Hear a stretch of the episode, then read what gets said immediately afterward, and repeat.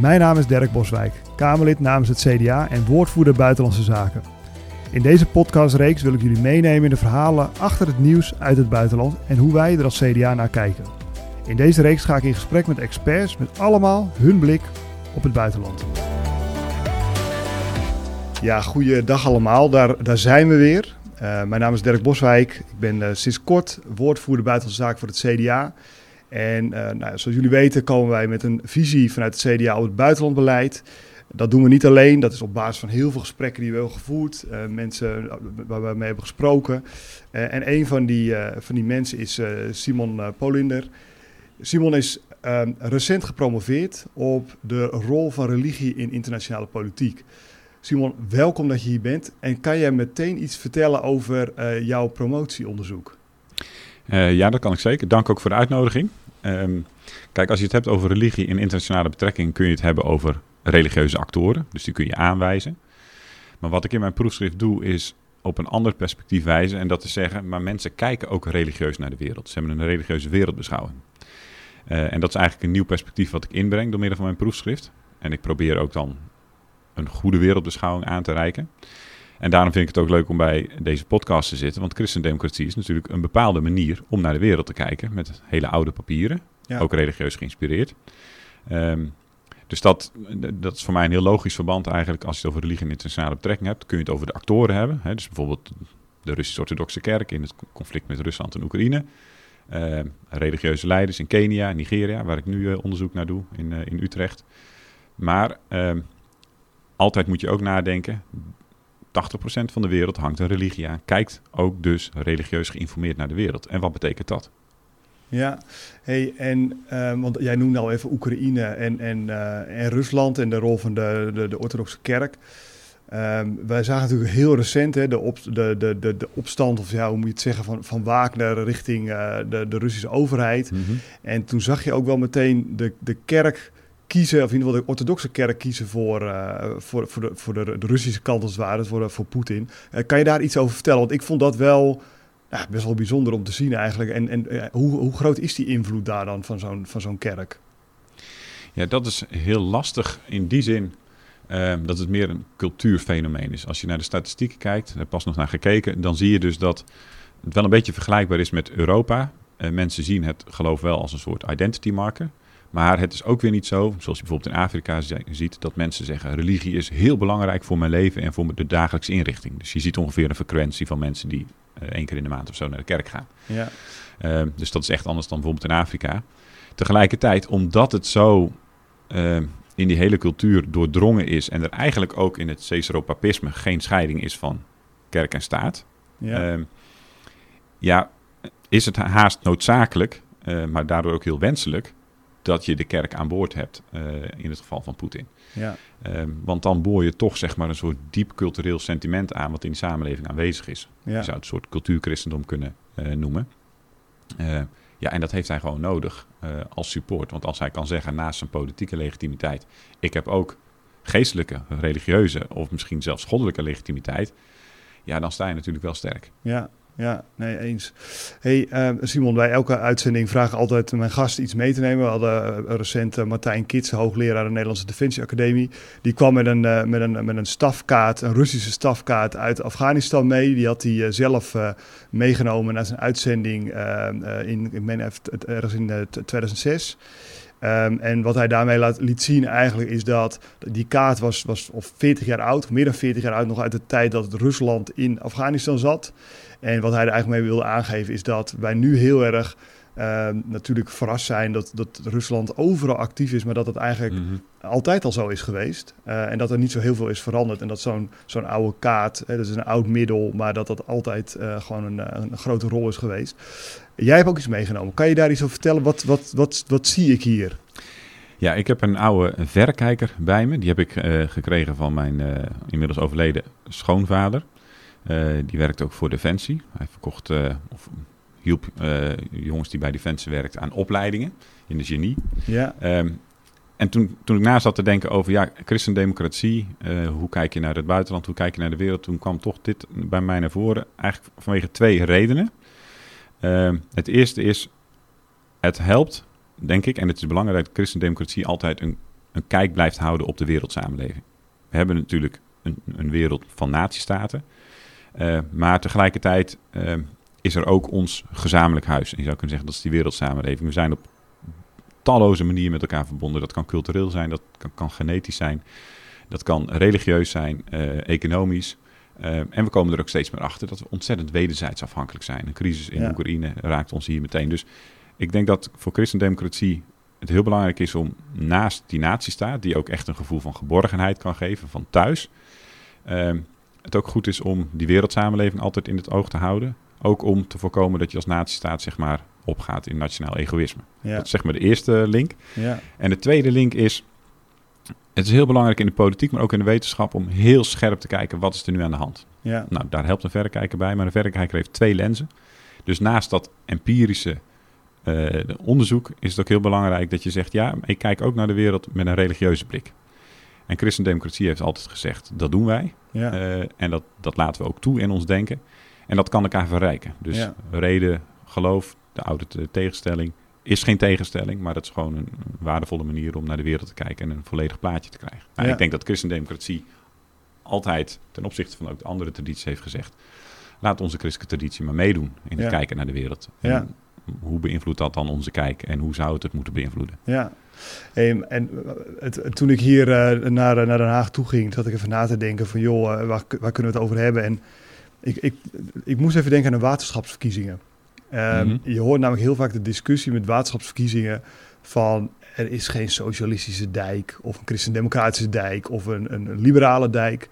En ik dacht, eh, ja, in, in hoeverre eh, nemen bijvoorbeeld li- liberale partijen dan dat perspectief niet of anders of onvoldoende mee? Ik bedoel, wat is nou echt het verschil van een, Ja. een, een VVD-Kamerlid, om het zo maar te zeggen, hoe die naar de wereld zou kijken en hoe, hoe zou, dan een, zou ik als CDA dan naar de wereld moeten kijken? Ja, dit is een hele leuke discussie. Eh, in mijn onderzoek, eh, ik ben ook een poosje lector geweest eh, voor de zorgsector, kwam ik altijd die vraag over, ja, bestaat er zoiets als een christelijke zorgmedewerker? Bestaat er christelijk onderwijs? Nou, christelijke politiek, al die vragen, dan bestaat er een christelijke bakker enzovoort. Eh, eigenlijk is mijn antwoord van, nou, die bestaat misschien niet, Eh, ook al noemt iemand zichzelf zo, maar wie iemand is, hoe hij naar die wereld kijkt, hè, wat ik net al even zo noemde, ehm, kleurt wel hoe hij de wereld of zij de wereld ziet. Dus eh, er zal, misschien geen christelijke dijk zijn of een CDA-dijk, maar je kunt wel op een christendemocratische manier naar dijken kijken. En ik denk dat de manier waarop christendemocraten naar de wereld kijken, anders dan eh VVD is, liberalen, socialisten enzovoort, dat het helpt om naar drie punten te kijken. Wat is het mensbeeld? Ja, Eh, hoe kijken ze naar de geschiedenis? En ethiek. ja, Ehm, en bij mensbeeld is het denk ik heel belangrijk dat eh christendemocraten zeggen... wij zijn altijd mens in de relatie tot. ja, Dus om gelijk de markering te maken, liberalen zullen toch meer zeggen: nee, we zijn allereerst individu. ja, En dus moet ook het, het politieke erop gericht zijn dat individu niet in de weg te lopen. ja, Ehm, eh, dat zeg maar even heel kort als het over eh, mensbeeld gaat. Als het over ethiek gaat, dan zie je dus dat je kunt vervallen tot zeg maar een soort machtsrealisme. ja, Maar christendemocratie heeft altijd gezegd eh, macht en moraal. ja, Ehm, we herdenken dit jaar 400 jaar geleden dat eh Blaise Pascal eh, werd geboren. En die heeft een hele mooie quote. Die zegt: Zich houden aan het recht is terecht.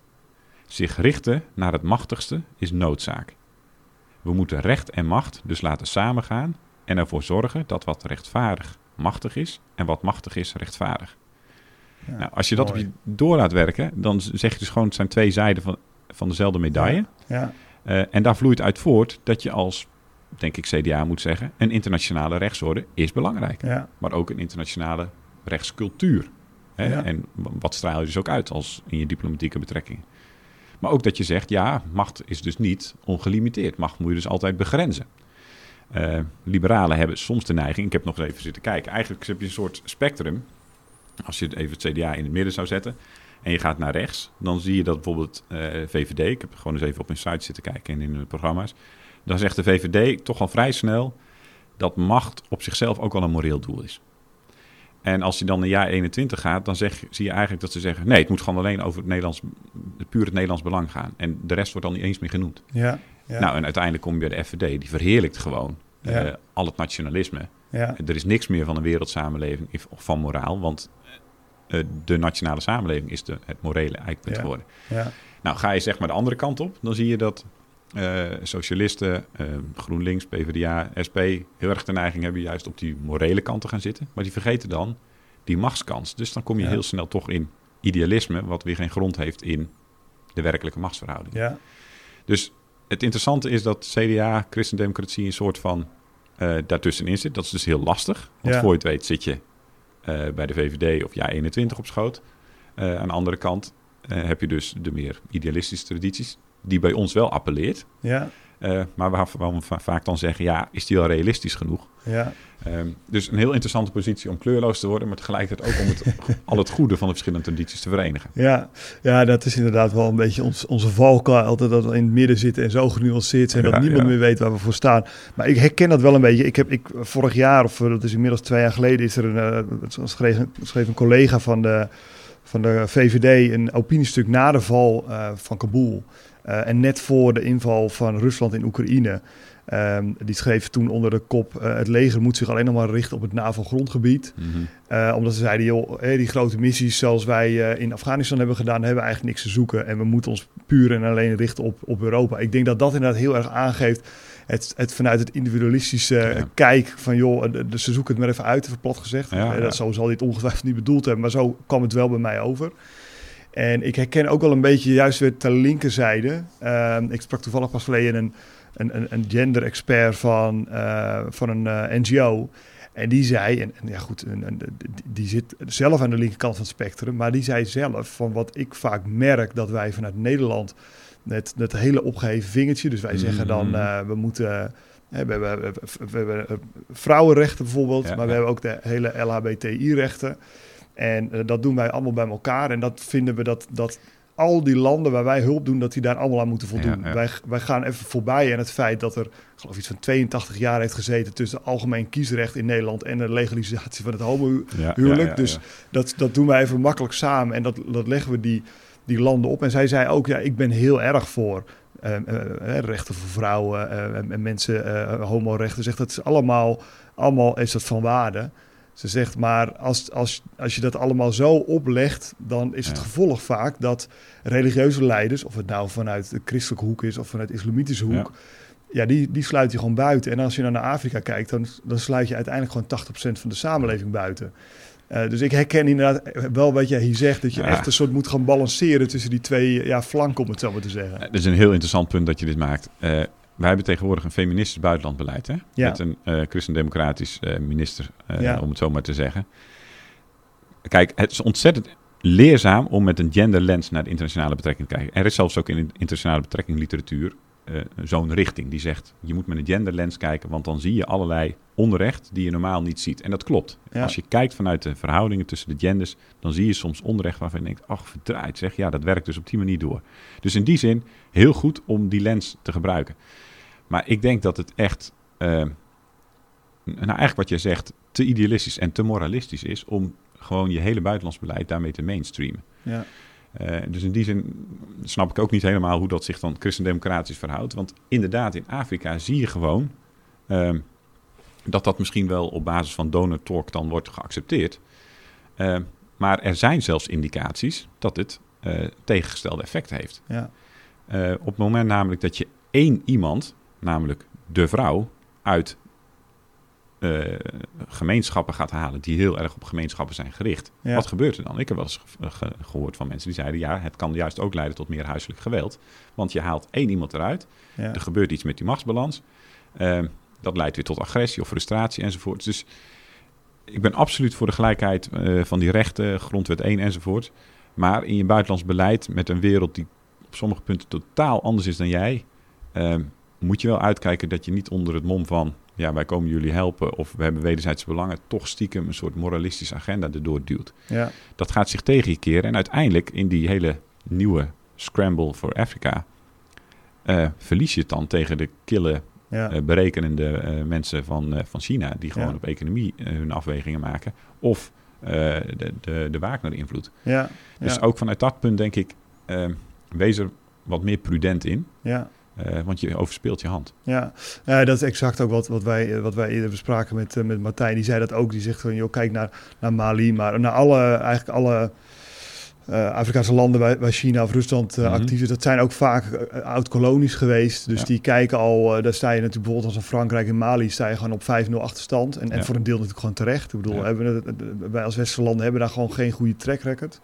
Um, ja, en als je dan een, een, een, land komt die zegt, joh, wij kijken, nemen het allemaal niet zo nauw en we, we kijken vooral economisch en hard enzovoort. Um, ja, dan ben je natuurlijk al helemaal weg als je met je opgeheven vingertje komt. En, dan moet je, en tegelijkertijd wil je natuurlijk ook weer niet een soort China worden dat je denkt, we vinden dat allemaal niet belangrijk. Dus je, ja, het is wel een soort balans die je moet Ja, het is denk ik die balans tussen dat je zegt macht, normeren, moraal is belangrijk, maar dat moralistisch is denk ik heel, uh, heel riskant. Omdat je dan toch een soort superioriteit veronderstelt. En als je dat dan ook nog eens een keer, hoewel je zegt dat het niet zo bedoeld is, toch door je relatieve sterkere machtspositie afdwingt, ja. ja, dat zet heel veel kwaad bloed. Ja. Uh, want je duwt het mensen dan toch eigenlijk uh, toch een beetje door de strot. Um, ja, en dat is denk ik waar je ook als christendemocratie voor op moet passen. Van ja, je mag normeren, je mag ook die moraal meewegen. Maar wees je altijd van bewust dat je dat dichtbij ook je machtspositie houdt en dan prudent afweegt. Ja, ja. Ja, dat is een ingewikkelde balans. Uh, nou ja, ook omdat je het soms niet kunt waarmaken. Hè? Het is heel idealistisch hoe het, hoe het nu staat beschreven. Wij willen dat grondwet 1 soort van voor de hele wereld, het artikel 1 van de grondwet in Nederland voor de hele wereld gaat gelden. Ja, we redden het in Nederland al niet eens. Ja. Dus je, je, wekt verkeerde verwachtingen. Het heeft maar een periode van vier jaar. Nou, misschien daarna nog verder, maar dat weet je niet. kan een andere minister komen. Dus ja, um, ja je, je belooft ook mensen uiteindelijk een soort van uh, lege huls. Ja, ja. Ja, en dat is denk ik wel, als ik even kijk naar mijn eigen opvoeding. We leven ook in een gebroken wereld. Mm. Dus dat moeten we ook altijd accepteren. Dat het natuurlijk nooit, het, het, uh, het wordt nooit een aasparadijs hier. Tenminste, ja. niet uh, zo lang. Uh, dus, dat, dat is inderdaad wat we moeten accepteren. Hey, en um, Simon, als jij gewoon kijkt naar, naar het CDA op, op buitenlandse zaken. Als je, wat voor tips zou jij mij meegeven? Joh, hier moet het CDA echt op gaan inzetten. Dit zijn belangrijke punten. Of dit heb ik gemist. Zijn daar dingen hoe jij, hoe jij daar nu naar kijkt? Ja, ik denk dat het heel belangrijk is. Hè? Je noemde net het artikel van je collega van de VVD, die dan zegt: focus je op, op de NAVO. Een soort eigenlijk uh, toch een soort Trump, alleen dan gericht op de NAVO. Hè? Net zoals Trump mm -hmm. zegt: we richten alleen op Amerika. Um, ja, dat, dat kan het niet zijn. Ik bedoel, de christendemocratie staat zo ongeveer aan, aan de basis van, uh, van de Europese Unie. Ja. Dus die al niet noemen is eigenlijk een ontzettende misser. Maar dat hele weefsel, dat maatschappelijk middenveld, wat je ook internationaal hebt, dat zou een ontzettend warm hart moeten hebben vanuit christendemocratie. Uh, en al die instituties die daar een soort weefsel zijn en rondom die natiestaten hun werk proberen te doen, NGO's, INGO's, uh, internationale organisaties, uh, die kunnen corrumperen, dat weet ik. Hè? Ja. En ook de, de, de, Verenigde Naties kan high over een agenda op, op, op, opleggen waarvan je denkt, wacht eens even. Dus dat risico is altijd met instituties. Maar in plaats van dan zeggen, uh, we, moeten de, we moeten ze allemaal afschaffen, ja. bouw goede instituties die ook checks en balances zijn tussen Noord en Zuid, tussen de natiestaat en die wereldsamenleving.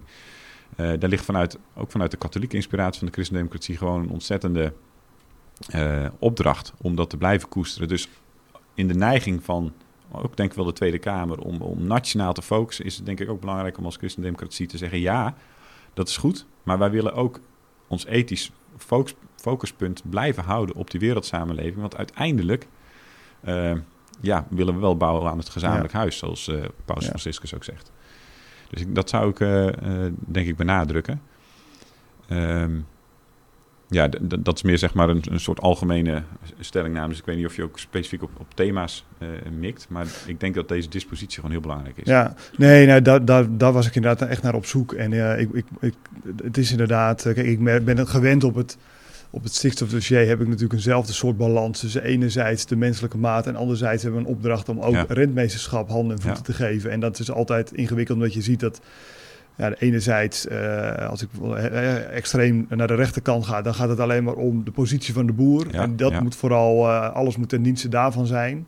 En als ik naar links kijk, is het ja, de positie van de natuur en, en daar moet alles voor wijken. En dat is eigenlijk zie ik hetzelfde balans die we hier ook moeten zoeken. En alleen ik vond hem bij, bij buitenlandbeleid is hij natuurlijk wel een stuk abstracter nog dan, dan bij het natuurbeleid of ook ander dossier. Nou ja, eigenlijk ook omdat je natuurlijk het is een heel binnenlands dossier, ook wel verweven met internationale vraagstukken, dat, dat het landbouwdossier. Terwijl Nederland in de wereld ja, we hebben wel een bepaald gezag, maar wij moeten het vooral ook van die coalities hebben. Ja, ja. Ehm, maar ik vind het heel mooi dat jij het punt rentmeesterschap noemt en ik zou ook zelfs subsidiariteit noemen. Ik denk dat dat wel twee hele belangrijke principes zijn.